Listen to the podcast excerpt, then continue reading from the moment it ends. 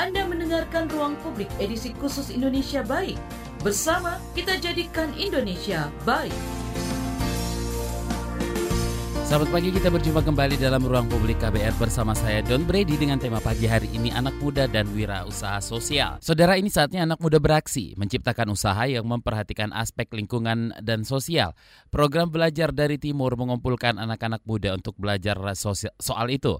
Apa saja ide yang muncul, perubahan apa saja yang diharapkan bakal mendorong dalam ruang publik edisi Indonesia Baik yang hadir di setiap hari Jumat. Kita akan mendengarkan kisah orang-orang baik yang menyebarkan kebaikannya untuk masyarakat masyarakat. Indonesia Baik kali ini menghadirkan Agra Locita, manajer Teras Mitra sebagai penyelenggara kegiatan tersebut. Selamat pagi, Mbak. Selamat pagi, Mas Don. Manggilnya enaknya Mbak Agra, Mbak Locita, Mbak Cita, Mbak Ita? Mbak Agra aja. Mbak Agra ya. Ya, tapi okay. saya bukan nama bis loh ya. Agramas itu. Iya, Oke, Teras Mitra baru saja melaksanakan program belajar dari Timur Nusa Penida Youth Movement.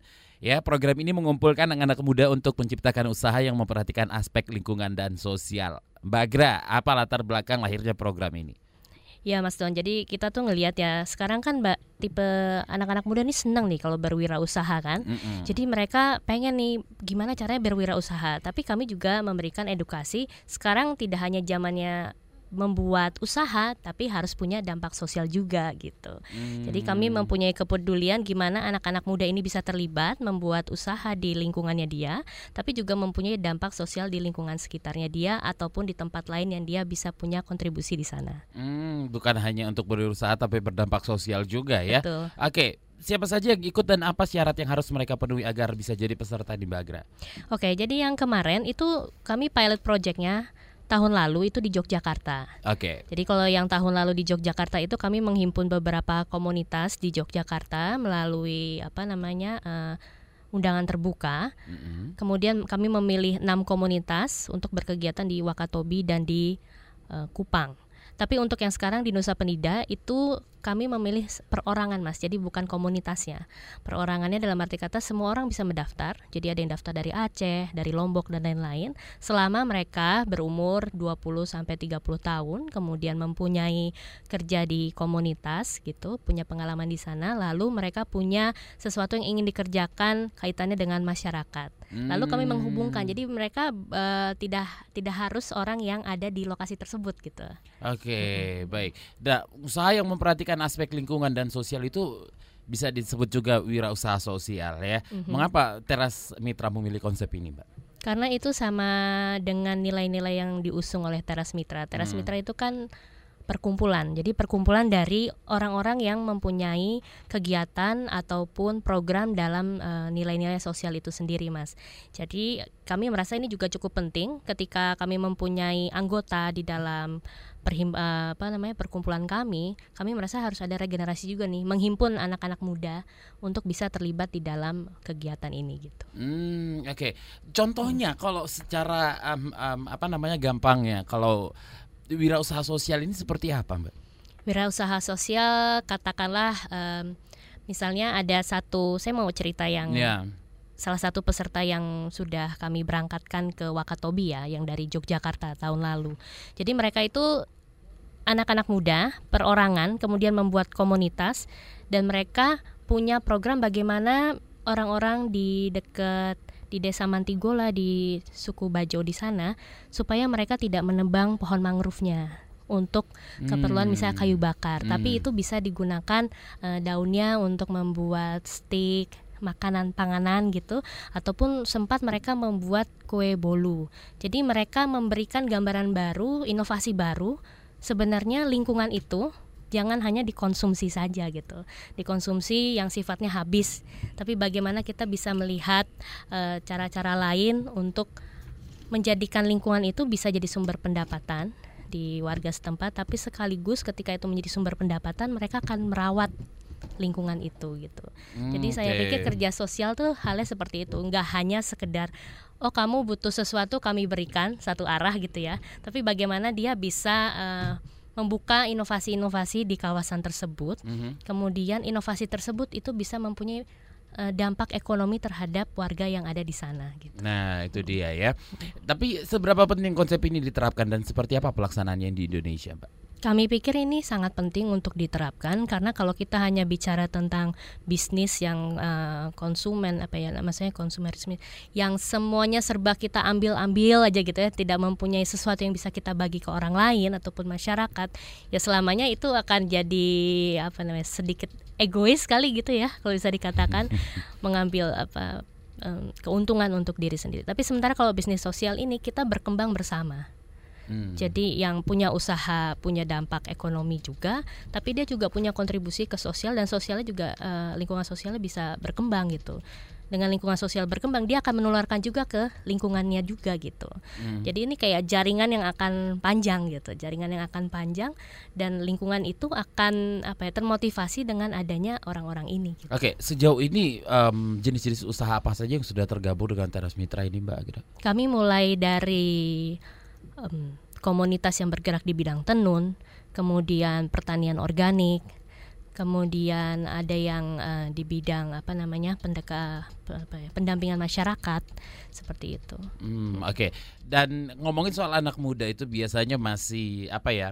orientasinya mungkin cuma untung untung untung doang kalau dalam wirausaha ya. Nah, seperti apa ketertarikan anak muda terhadap konsep wirausaha sosial ini dalam pandangan Teras Mitra sendiri? Saya cukup kaget ketika yang Teras Mitra Nusa Penida ini ya, yang apa belajar dari Timur Nusa Penida ini ternyata banyak yang memulai mereka sudah punya usaha mendaftar karena mereka sudah pernah punya usaha sebelumnya. Jadi geliat tentang wirausaha itu cukup cukup tinggi kayaknya ya di hmm. di Indonesia gitu kaitannya dengan anak, anak muda apalagi sekarang jejaring itu sangat memudahkan gitu hmm. dan sekarang gembar-gembor di mana-mana dengan program pemerintah maupun dengan startup startup gitu kan selalu bilang kita harus jadi wirausaha gitu hmm. itu uh, cukup cukup baik sih mas gitu tapi tinggal bagaimana uh, kita itu membuka pandangannya mereka bahwa kegiatan bisnis itu tidak hanya bisnis yang pada umumnya loh hmm. bahwa bisnis itu juga punya pilihan lain gitu. Hmm. Dari um, jadi kepo ya dari segi keuntungan hmm. lebih menguntungkan terlepas dari sosialnya gitu ya Mbak Agra yeah. lebih menguntungkan mana? Kalau se sepertinya dibalik lagi ke ke pihaknya masing-masing ya. Yang dikatakan untung tuh mau untungnya seperti apa? Untung uh. yang gak ada habisnya kah gitu? Hmm. Atau segini saja menurut saya sudah cukup untung gitu. Okay. Nah kalau saya lihat dari beberapa mitranya teras mitra, mereka bahkan bisa pada tingkatan ekspor ya. Hmm berarti kan cukup untung gitu kan. Okay. Cukup untung dengan bisa ekspor ke Eropa, ke Amerika dengan standar yang baik atau kemudian dia bisa memberdayakan penenun-penenun ataupun uh, lurik yang ada di kawasan tertentu gitu. Hmm. Dia dapat profit tapi dari profit itu dia bisa menyisihkan uh, uangnya untuk um, menjalankan program. Misalnya program pelatihan untuk regenerasi. Hmm Nah itu. Jadi kalau untung ya tergantung sebenarnya masing-masing bisnisnya itu sendiri. Ya kan? Tapi sebenarnya kalau dibilang um, ini ada kerjasama dengan pemerintah uh, lokal?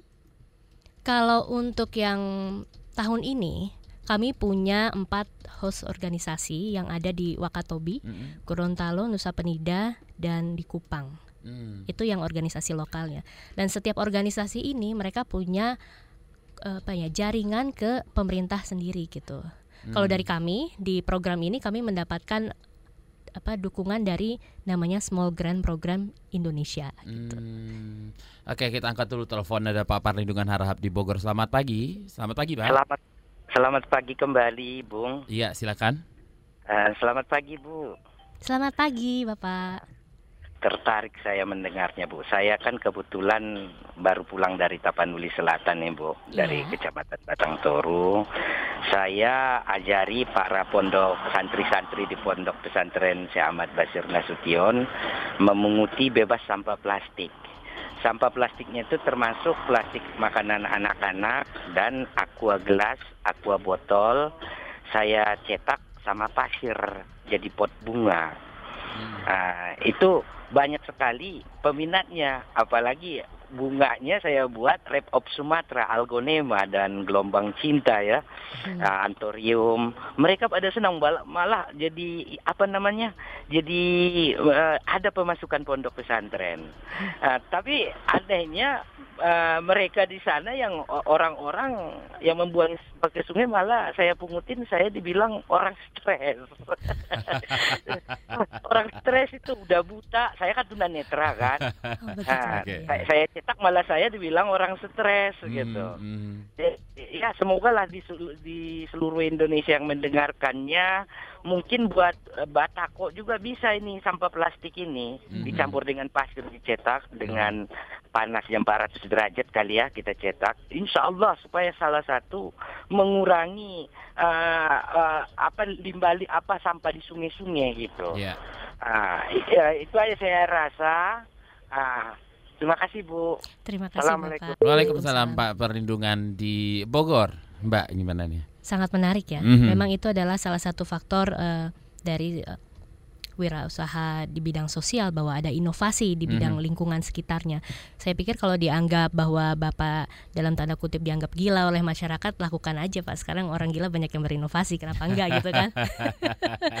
Tetap lakukan dengan apa namanya dengan baik selama nanti orang juga akan melihat kebaikan-kebaikan Bapak sendiri gitu. Hmm, tapi syarat-syarat um, yang harus dipenuhi se se seorang wirausaha bisa dibilang sebagai wirausaha sosial itu apa sih sebenarnya harus memang uh, jiwa sosialnya yang tinggi atau gimana nih Mbak Agra?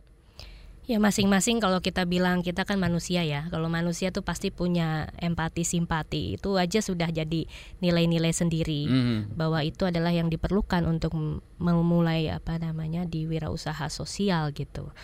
Kemudian yang selanjutnya adalah inovasi. Ketiga bisa berjerjaring bahwa melakukan bisnis ini tidak hanya dilakukan untuk diri sendiri, cuman dia membangun jaringan di belakangnya. Dia membentuk komunitas baru, katakanlah melatih mereka, kemudian komunitas baru itu bisa melatih komunitas selanjutnya gitu. Hmm. Dan kemudian yang keempat ya jangan lupa bahwa kegiatan ini walaupun ada unsur bisnis di dalamnya, dia harus mempunyai dampak paling dekat dampak di lingkungannya dia sendiri gitu itu yang harus syarat betul. utama seperti ya, itu betul. ya. Kalau di uh, kalau tadi tantangannya ke anak muda, kalau tantangannya sendiri seperti apa ini untuk menerapkan wirausaha sosial ini di anak muda? Di anak muda ya. Iya. Anak muda sekarang kalau beberapa kali saya bertemu dengan mereka kita membuat kolaborasi bareng, mereka selalu berpikiran bahwa kerja sosial itu terpisah dengan bisnis. Sosial itu ya memberi aja, memberi, hmm, beri, hmm. beri, beri, beri. Terus kemudian mereka belum memikirkan dampak bahwa kerja sosial ini bisa ada harus ada dampak ekonominya. Karena begitu tidak ada punya dampak ekonomi terhadap warga di situ atau komunitas yang mereka dampingi, mereka juga lambat laun akan meninggalkan kegiatan itu. Tapi begitu misalnya ada dampak ekonomi di sana, mereka akan melanjutkan karena oh saya nggak sia-sia ya. Misalnya saya melakukan pewarna alam gitu itu waktunya cukup lama, usahanya mereka lama tapi terjual dan punya dampak ekonomi sama mereka dan mereka akan melanjutkan gitu. Tapi bagaimana misalnya mereka diajarkan untuk mewarna dengan pewarna alam tapi tidak ada yang beli hmm. atau tidak ada dampak ekonominya buat mereka. Pasti lama-lama kan ngapain saya harus capek-capek? gitu kan. Yang gini aja mudah. Misalnya tinggal pakai pewarna yang kimia sudah selesai gitu. tapi fokusnya memang hanya untuk anak muda saja mbak akhirnya kalau kami sebenarnya untuk segala apa namanya range umur. range umur. Mhm. -huh. jadi kami juga punya beberapa program ya. Salah satunya adalah pemberdayaan perempuan di bidang tenun gitu. Hmm. nah kemarin saya sempat ketemu beberapa uh, orang di bidang startup kayak marketplace gitu ini pemberdayaannya di bidang uh, dengan perempuan gak ya? Dengan ibu-ibu ya? Sekarang katakanlah ibu-ibu. Ibu-ibu yang dibilang ibu-ibu itu seperti apa? Anak muda juga 20 sampai 30 tahun sudah menjadi ibu, ibu gitu kan? betul. nah itu juga bisa termasuk gitu. Hmm, oke. Okay. gimana kita mau ngangkat telepon dulu? Dengan siapa? Dari Bengkulu. Oke. Okay. selamat pagi Pak. Ya halo? Ya selamat pagi. Silakan Pak. Ya ini saya dari Bengkulu ini Mbak. Pak ya. Bang. Ya ingin ingin disampaikan secara mediasi ke ke DPR RI Komisi okay. 9 mengatas antisipasi masalah uh, pembangunan rancang bangun uh, kontribusi di uh, apa itu Pak Anales uh, mungkin nanti bisa Pak. Ya, Pak. Ya, kita ya. Uh, mungkin Bapak bisa telepon off air ke kantor kita, mungkin bisa teman-teman yang lain akan melihat lanjutinya ya. Oke, kita harus break dulu, jangan ke mana-mana, tetap di ruang publik KBR. Anda mendengarkan ruang publik edisi khusus Indonesia Baik. Bersama kita jadikan Indonesia baik. Anda masih mendengarkan Ruang Publik KBR bersama saya Don Brady dengan tema pagi hari ini anak muda dan wiras usaha sosial di edisi Indonesia Baik ya. Saya masih bersama Agra Lucita, manajer Teras Mitra. Oke, Mbak Agra, kita kembali ke um, program belajar dari Timur, namanya Nusa Penida Youth Movement ya. Iya, Mas. Oke. Selama kegiatan berlangsung uh, berapa lama itu? Kemarin kami sekitar satu minggu ya. Sepekan ya, satu minggu sana, ya. ya. Oke, itu apa saja kegiatan yang dilakukan oleh peserta? Jadi kemarin itu kami mengumpulkan 12 anak muda dari beberapa wilayah di Indonesia. Itu sudah disaring sebelumnya ya Mbak? Ya? Disaring. Ya? Sebenarnya oh. disaringnya pertama tuh 6 Oke. Okay. Jadi perorangan. Kemudian kami memberikan kesempatan mereka untuk mengajak rekannya. Ah. Jadi mereka bisa memilih teman kerjanya sendiri gitu untuk uh -huh. diajak. Uh -huh. Jadinya jumlahnya jadi sekitar 12 12 gitu, ya, ya. oke. Okay. 12 11 ya 12 saya lupa. Nah, kemudian habis itu mereka kami datangkan ke Bali. Terus memang waktu itu coba kalian bisa nggak dengan biaya sendiri gitu. Hmm. Masih mau loh. Okay. Masih mau karena uh, bukannya kami nggak ada untuk memfasilitasi mereka, tapi salah satunya adalah seberapa sih keinginan mereka untuk hmm. melakukan ini gitu kan. Hmm. Kemudian setelah dikumpulkan ke Bali, Terus kita observasi di Nusa Penida selama dua hari dengan beberapa fasilitator, kemudian komunitas yang ada di sana. Mereka belajar tentang bagaimana pertanian di sana, peternakan, mengelola air di pulau kecil, kemudian kaitannya dengan ekoturisme yang ada di Nusa Penida. Dan rata-rata mereka semua kaget gitu. Hmm. Oh jadi begini ya caranya ya bahwa kita tuh sebagai anak muda ketika datang tuh jangan cuma senang-senang aja nikmatin nikmatin pulaunya orang ngambilin airnya gitu ya buang sampah di pulau itu tapi ketika mereka tahu apa sebenarnya yang sedang terjadi di sana mereka jadi tergugah gitu. Hmm. Kemudian mereka akhirnya berkumpul membuat kelompok baru. Ini yang saya uh, sangat senang ya. Mereka membuat kelompok baru, mereka namakan diri mereka adalah Loka Muda. Jadi ruangnya anak muda yang berkumpul dari beberapa anak muda di wilayah Indonesia. Hmm. Nah, mereka kemudian membuat suatu rencana bagaimana mereka menghubungkan komunitas ataupun wilayah-wilayah yang ada di Nusa Penida untuk mempunyai jaringan uh, desa yang punya perhatian terhadap pengelolaan wilayahnya gitu hmm. hmm, hmm. di sana. Oke, okay, tadi Mbak Agra juga bilang um, apa uh, sehingga anak-anak muda itu jadi tergugah apa namanya terbuka pikirannya sebenarnya apa yang terjadi apa yang membuat mereka menjadi apa namanya berubah seperti bisa dibilang berubah nggak sih akhirnya gitu ya? Ya pandangannya mereka pada akhirnya berubah gitu bahwa oh ternyata selama ini kan sebenarnya banyak ya anak-anak muda tuh banyak berhubungan dengan kerja-kerja sosial ya. Okay. apakah mereka mendampingi anak-anak bermain dengan mereka atau misalnya ya kalau kita di tingkatan universitas biasanya ada apa KKN ya KKN ya, itu kan sudah mereka lakukan ya, kan. Ya. Tapi sekarang perspektifnya yang berubah adalah oh sekarang kerja sosial ini tidak hanya kerja sosial ya, dia harus memikirkan segi bisnisnya gitu harus ada misalnya ketika mereka membuat kegiatan kegiatan itu berdampak masyarakatnya masyarakatnya mau ngapain nih gitu masyarakatnya harus dapat pendapatan pasti karena dengan begitu mereka akan melanjutkan kegiatan itu, melanjutkan program itu. Hmm, Manfaatnya buat mereka, mereka juga akan tularkan ke masyarakat lainnya. Gitu. Hmm, Mbak diceritain dong apa saja yang uh, program-program apa maksudnya konsep usaha apa saja yang sudah dibawa teman-teman yang dari di Nusa Penida kemarin itu? Kalau yang dari Nusa Penida ini kan mereka masih rancangan ya, jadi mereka belum eksekusi. Saya akan cerita yang ada di di Wakatobi. Okay. Teman-teman BDT yang belajar dari timur yang sudah berangkat ke Wakatobi. Nah, mereka itu uh, dua orang, mereka membuat apa namanya menghimpun orang-orang yang ada di sana itu anak-anak mudanya orang-orang tuanya juga untuk belajar bagaimana mengelola hutan mangrove dengan baik mm. bagaimana mangrove itu tidak hanya digunakan untuk kayu bakar bagaimana si mangrove ini ternyata ada nilai edukasinya kalau hutan mangrove ini nggak ada apa sih dampaknya dengan kalian nah itu mereka ciptakan lewat permainan games kayak board hmm, game board seru ya, ya okay. jadi mereka tidak kayak ngomong meng, apa namanya meng, kayak menggurui, menggurui gitu, ya. gitu langsung ngomong gitu ya bahwa ya? ini nggak boleh nggak boleh ya, enggak ya. mereka pendekatannya halus dengan board game ayo anak-anak adik-adik kita main bersama gitu dengan board game itu kemudian pada tahapan ibu-ibu rumah tangga di kawasan sana mereka mengajarkan kita berinovasi membuat makanan dari mangrove apa sih yang ada di mangrove gitu. Oh, hmm. Oh kita bikin bolu ya, bolunya sih warnanya abu-abu ya tapi itu ternyata enak dimakan gitu kan. Terus mereka jadi oh bisa ya kita uh, bikin panganan dari ini dan terjual gitu uh -huh. di mereka. Dan mereka punya respon yang baik oh ternyata kita tidak harus kaitannya dengan pulau kecil mengambil makanan di pulau besar gitu. Mendatangkan makanan dari pulau besar. Tapi apa yang ada di sekitar mereka tuh mereka bisa kelola menjadi suatu produk makanan kah? Kemudian mereka jual dan mempunyai dampak ekonomi buat mereka. Hmm. itu yang sudah terjadi di Wakatobi gitu. Hmm. Nanti mungkin suatu saat kita bisa panggil anak-anaknya itu untuk cerita sendiri ya. Mereka baru pulang saja ke Jogja. Dinamakan bolu apa itu tadi? Belum tahu sih. Saya Belum tahu ya? saya udah bilang kan, ah, kamu pulang dari sana bawa itu bolu ya, pengen tahu rasanya. Oke, okay. yang kemarin ikut di Nusa Penida, Nusa Penida Youth Movement itu latar belakang mereka itu dari mana saja? Bagra. Latar belakang mereka ada unik-unik ya, saya itu senang banget deh. Mereka tuh ada yang misalnya bekerja di pertanian organik, tapi sebenarnya mereka itu pendidikannya fisika di salah satu universitas ternama. Hmm. Lucu ya, berkegiatannya di Lombok. Ada lagi masih muda, umur 20 tahun dari Jombang. Mereka itu bergerak bersama anak-anak kecil di sana untuk memberikan edukasi tentang alam. Ada juga tentang yang bergerak di bidang apa namanya? lingkungan di kawasan Solo uh, di daerah sana gitu. Jadi macam-macam mas, anak-anaknya itu macam-macam. Dan mereka tuh awal-awalnya begitu datang mereka membawa idealisnya mereka, idealismenya mereka masing-masing ya. Bahwa kerja tuh harus begini gini gini. Terus kami mentahkan dulu lah istilahnya. Sabar dulu lah. Kita ini kerja bareng-bareng bersama-sama. Walaupun kami tahu kamu punya kemampuan sekarang kita nol dulu deh. Hmm. kita belajar bareng aja deh. Coba kamu lihat uh, berusaha menyerap dulu sebelum menolak istilahnya bahwa ini tidak sesuai dengan apa yang saya lakukan dan lain-lain.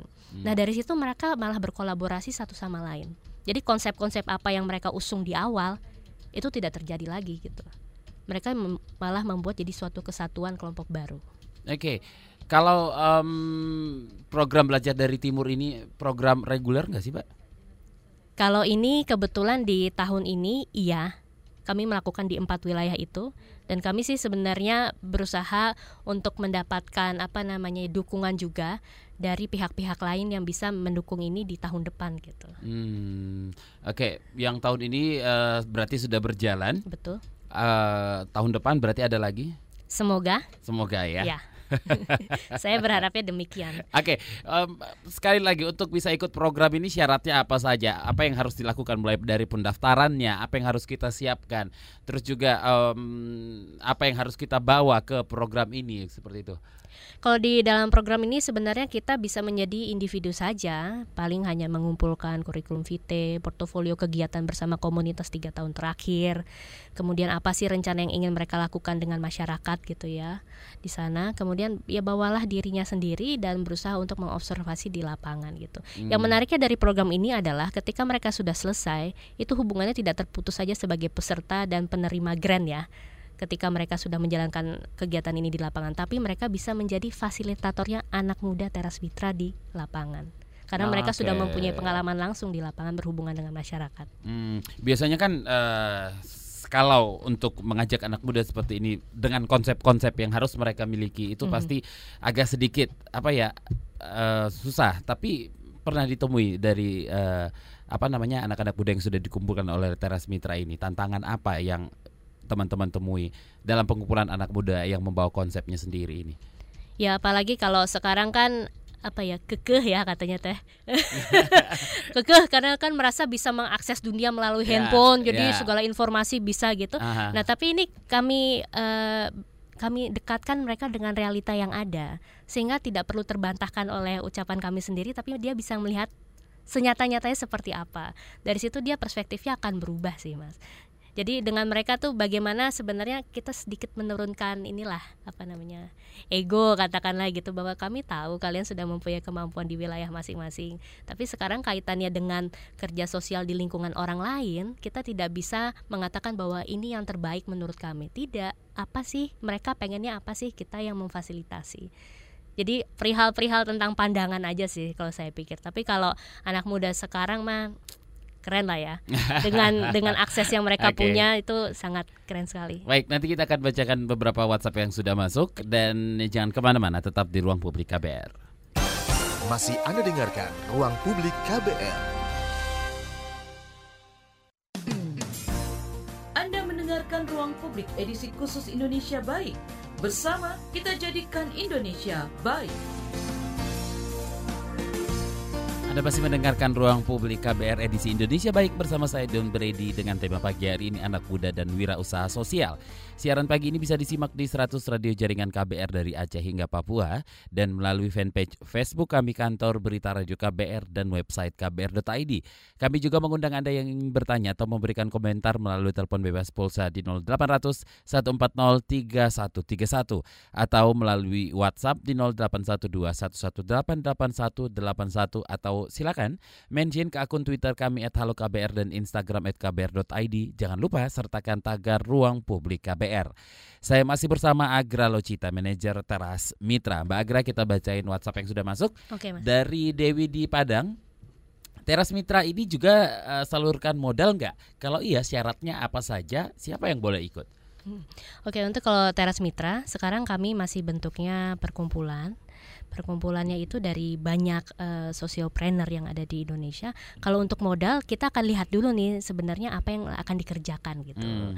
Akan kami lihat dulu bentuk kegiatannya seperti apa, usahanya seperti apa. Sebenarnya kami lebih mengkoneksikan dia dengan jaringan yang kami punya gitu bentuk modal kan bisa macam-macam ya mas okay. apakah itu bentuknya uh, duit gitu ya atau bentuknya adalah misalnya SDM ataupun jaringan ke mitra-mitra kami gitu Hmm, Oke, okay. ke pendonor bisa dibilang kayak gitu? Bisa juga. Mm-hmm. Atau misalnya katakanlah dia punya produk dan mitra kami punya akses untuk menjualnya, mm-hmm. itu kan juga bisa yeah. dalam bentuk apa namanya support jaringannya.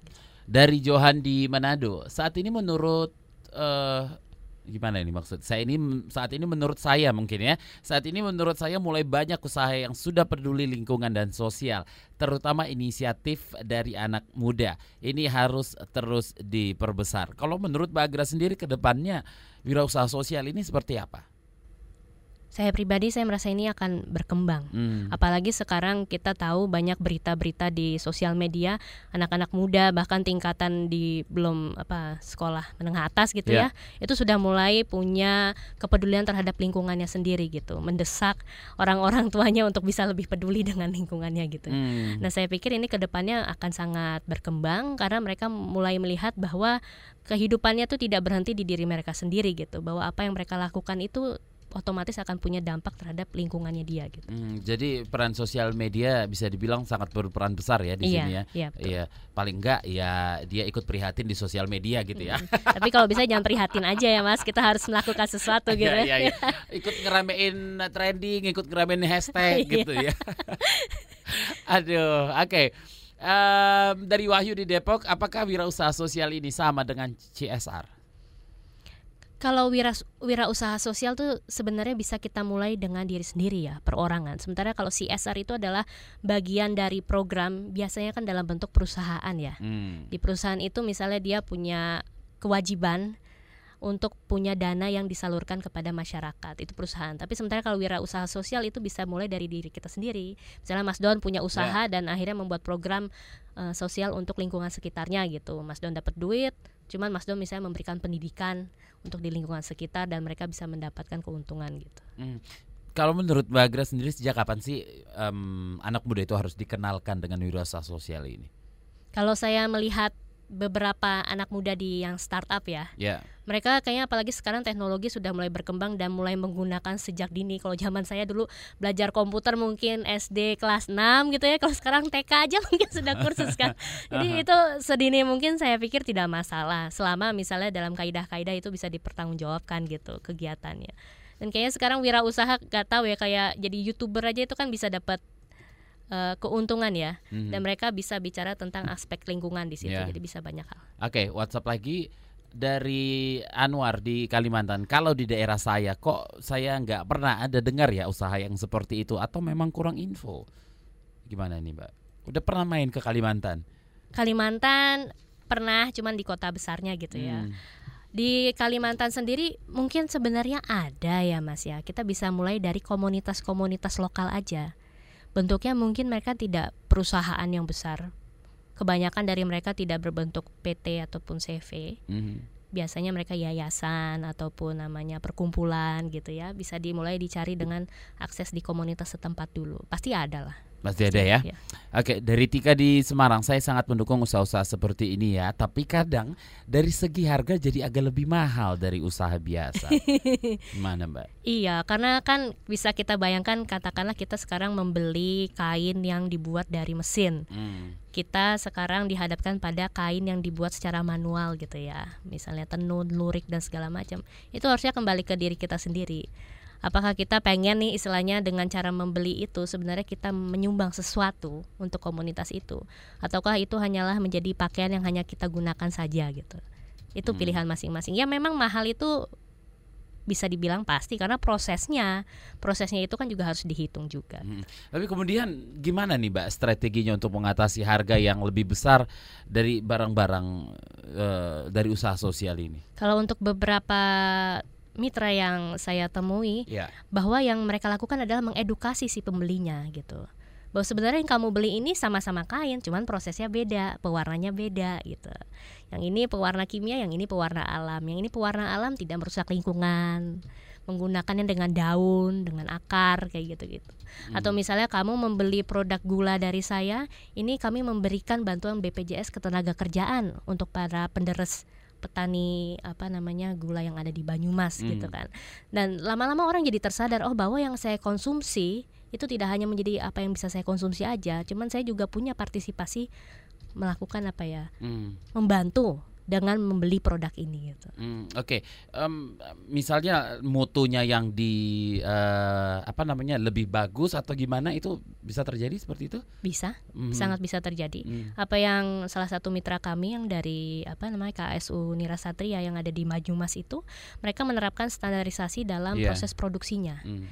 kepada para eh, petani-petani uh, yang ada di sekelilingnya ketika mereka teredukasi dan lain-lain mereka menerapkan standar ya terus kemudian mereka ngambil sertifikasi dan lain-lain di situ kan orang-orang jadi hmm. sadar bahwa oh kita juga bisa ya mengelola lingkungan cuma standarnya cukup baik sehingga bisa diterima oleh pasar oke edukasinya melalui media apa ini Mbak Agra? Nggak mungkin satu persatu dijelasin dong kepada konsumen ya, iya. agak repot gitu. Iya.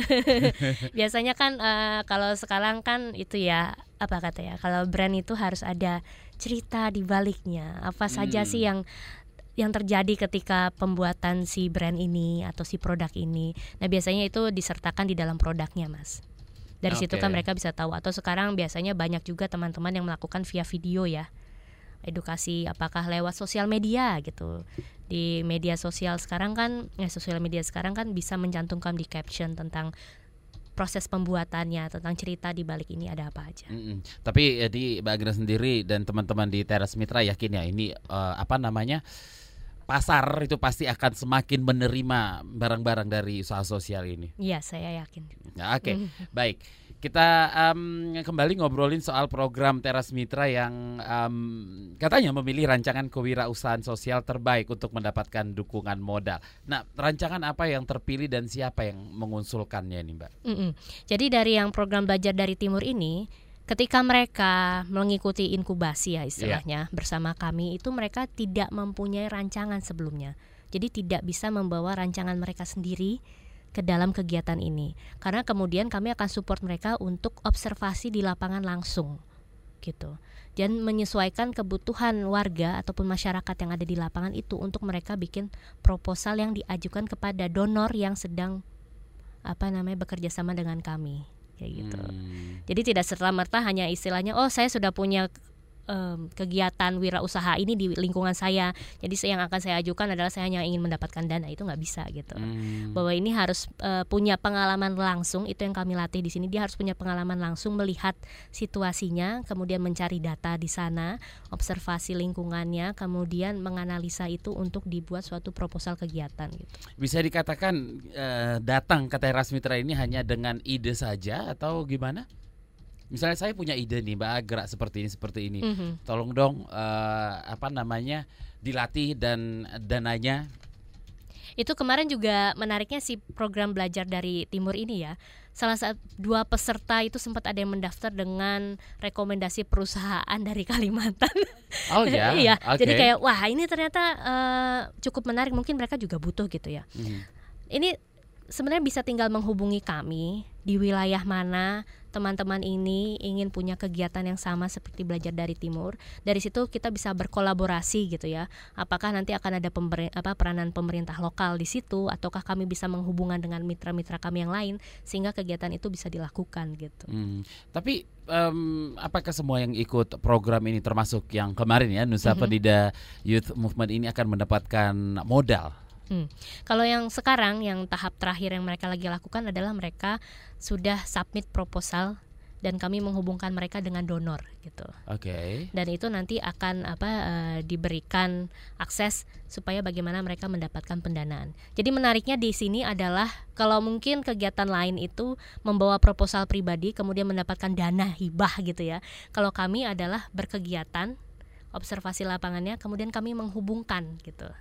Jadi hmm. tidak hanya mereka selesai dengan pelatihan, tapi mereka kami berikan akses untuk bagaimana mereka mencoba sendiri untuk mendapatkan dana itu dari donor. Oke, okay, sebelum kita break ini masih ada satu WhatsApp hmm. lagi dari Via di Medan. Kalau usaha kue-kue artis itu termasuk usaha sosial? Mungkin Mbak Fia harus kita tanyakan dulu atau kita lihat dari sosial medianya atau uh. tanyakan langsung kepada yang melakukan bisnisnya itu sebenarnya selain dari mereka mendapatkan profit ada nggak yang mereka lakukan gitu kan? Siapa uh. tahu mereka juga kan kita juga nggak tahu ya apakah mereka misalnya menyumbang sesuatu atau memberikan pelatihan kepada tenaga kerjanya dan keluarganya gitu. Hmm. Kita tidak bisa berasumsi juga kan. Oke. Okay. Jangan ke mana-mana ruang publik akan kembali. Mendengarkan Ruang Publik edisi khusus Indonesia Baik. Bersama kita jadikan Indonesia baik. Ruang Publik KBR edisi Indonesia Baik pagi ini masih bersama saya Don Brady dengan tema anak muda dan wira usaha sosial dan masih bersama Agra Locita manajer Teras Mitra. Di segmen terakhir ini Mbak Agra mungkin uh, yang mendengarkan pasti banyak wah seru nih program yang seperti ini. Boleh direview sedikit lagi. Teras Mitra itu apa dan program apa yang disediakan untuk anak-anak muda? Oke. Okay. Ya. Yeah. Teras Mitra itu perkumpulan mm -hmm. dari beberapa sosiopreneur yang ada di Indonesia yeah. dan programnya kami punya beberapa hal. Pertama tentang Teras Mitra Youth Movement okay. itu untuk anak mudanya itu. Kemudian yang kedua kami punya Weaving for Life. Bagaimana kami berkolaborasi dengan teman-teman komunitas uh, penenun yang ada di Indonesia. Kemudian yang tiga adalah ability movement hmm. untuk teman-teman yang punya kebutuhan khusus gitu. Jadi tiga program itu sebenarnya yang kami usung dan kemungkinan-kemungkinan itu bisa terjadi jika teman-teman tertarik dan menghubungi kami gitu. Hmm, Oke, okay. Sociopreneur itu mungkin boleh dijelaskan artinya kepada mendengar kepada pendengar ya. Hmm. Jadi sosiopreneur itu adalah bisa dibilang suatu bentuk kegiatan yeah. ataupun usaha bisnis, tapi kemudian punya dampak peranan sosial terhadap masyarakatnya. Gitu. Oke, okay. hmm. kalau sampai saat ini sebaran anggotanya ada di mana saja dan apa saja bentuk usaha bagi para anggotanya, Mbak? -hmm. Jadi untuk di anggota Teras Mitra sendiri, kami itu tersebar di banyak wilayah di Indonesia, mulai dari pertanian organik, gula, kemudian tenun dan misalnya uh, apa namanya kegiatan yang ada di beberapa wilayah dan itu apa namanya uh, mereka macam-macam mas jadi tidak tidak harus berbentuk apa ya berbentuk bisnis gitu hmm. bisa juga sebenarnya kegiatan utamanya mereka adalah pendampingan di masyarakat gitu oke okay. dan um, dari tadi kita ngobrolin soal Nusa Penida Youth Movement. Selain itu, apalagi program Teras Mitra yang lain yang sedang berjalan atau mungkin yang akan berjalan nih? Ah, nah itu yang tadi saya udah yeah. ceritakan bahwa ada Weaving for Life dan Ability Movement itu. Mm-hmm. Kalau yang sedang berjalan bersamaan, sekarang kami juga dengan Weaving for Life, kami mendampingi masyarakat di Desa Tanglat di Nusa Penida juga itu untuk membuat bagaimana belajar uh, pewarna alam di sana. Hmm. Gitu. Jadi kita berkolaborasi juga komunitas penenun yang ada di sana. Kemudian untuk yang bersamaan juga di Wakatobi juga kami membuat bagaimana motif-motif baru itu bisa timbul di sana dengan ya, ya kan? Saya saya pernah atau dan itu itu termasuk wirausaha sosial nggak sih mbak? Pewarna itu misalnya kayak yang jadi warna biru yang putih-putih mm -hmm. itu apa namanya? Indigo. kemarin saya lihat di Instagram dan saya sempat tertarik untuk ikut kelasnya seperti uh -huh, itu tapi ya bayar ya kalau itu termasuk wirausaha, wirausaha sosial juga. Saya lupa namanya. Mudah-mudahan mbak Agra bisa mengerti dan mengingat. Ap apakah hampir sama dengan pewarna, pewarna alam, indigo uh, gitu uh, semacam gitu? Iya bisa dibilang gitu. Karena hmm. dengan cara kita menggunakan pewarna alami, yeah. itu kan kita tidak merusak apa namanya uh, lingkungan sekitar dengan air yang kita buang ketika kita sudah mewarnai itu dan kita menggunakan apa yang ada di alam itu untuk sumber penciptaan kita gitu. Hmm, Oke. Okay. Dan kalau dalam pengamatan teras mitra sendiri bentuk-bentuk usaha sosial yang punya pengaruh besar terhadap sosial dan lingkungan itu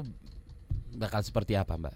Hmm, jadi kalau menurut kami ke depannya akan cukup akan berkembang malah ya karena sekarang kesadaran anak muda terhadap bisnis itu cukup besar dan mereka juga mulai memperhatikan aspek-aspek lingkungan dan yang dilakukan sekarang adalah yang tidak dilakukan uh, beberapa tahun sebelumnya adalah jejaring itu menjadi aspek yang kuat ya anak-anak muda sekarang kan suka hangout, hmm. ngumpul, bahkan melalui sosial media mereka bisa menemukan orang-orang baru gitu. Hmm, Oke, okay.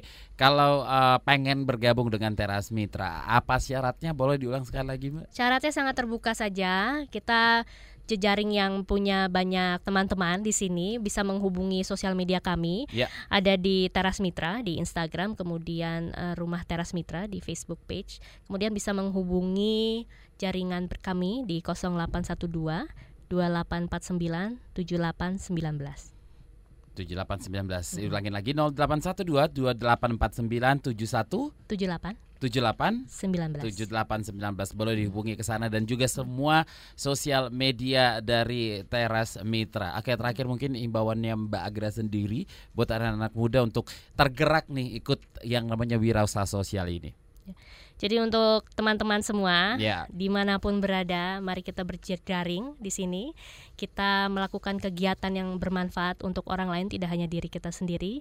Dan marilah kita terkoneksi satu sama lain. Agra Locita, manajer Teras Mitra, terima kasih atas terima waktunya kasih, pagi Don. ini. Sampai jumpa lagi ya. Sampai jumpa. Saya Don Beradi pamit, salam. Baru saja Anda dengarkan Ruang Publik KBR.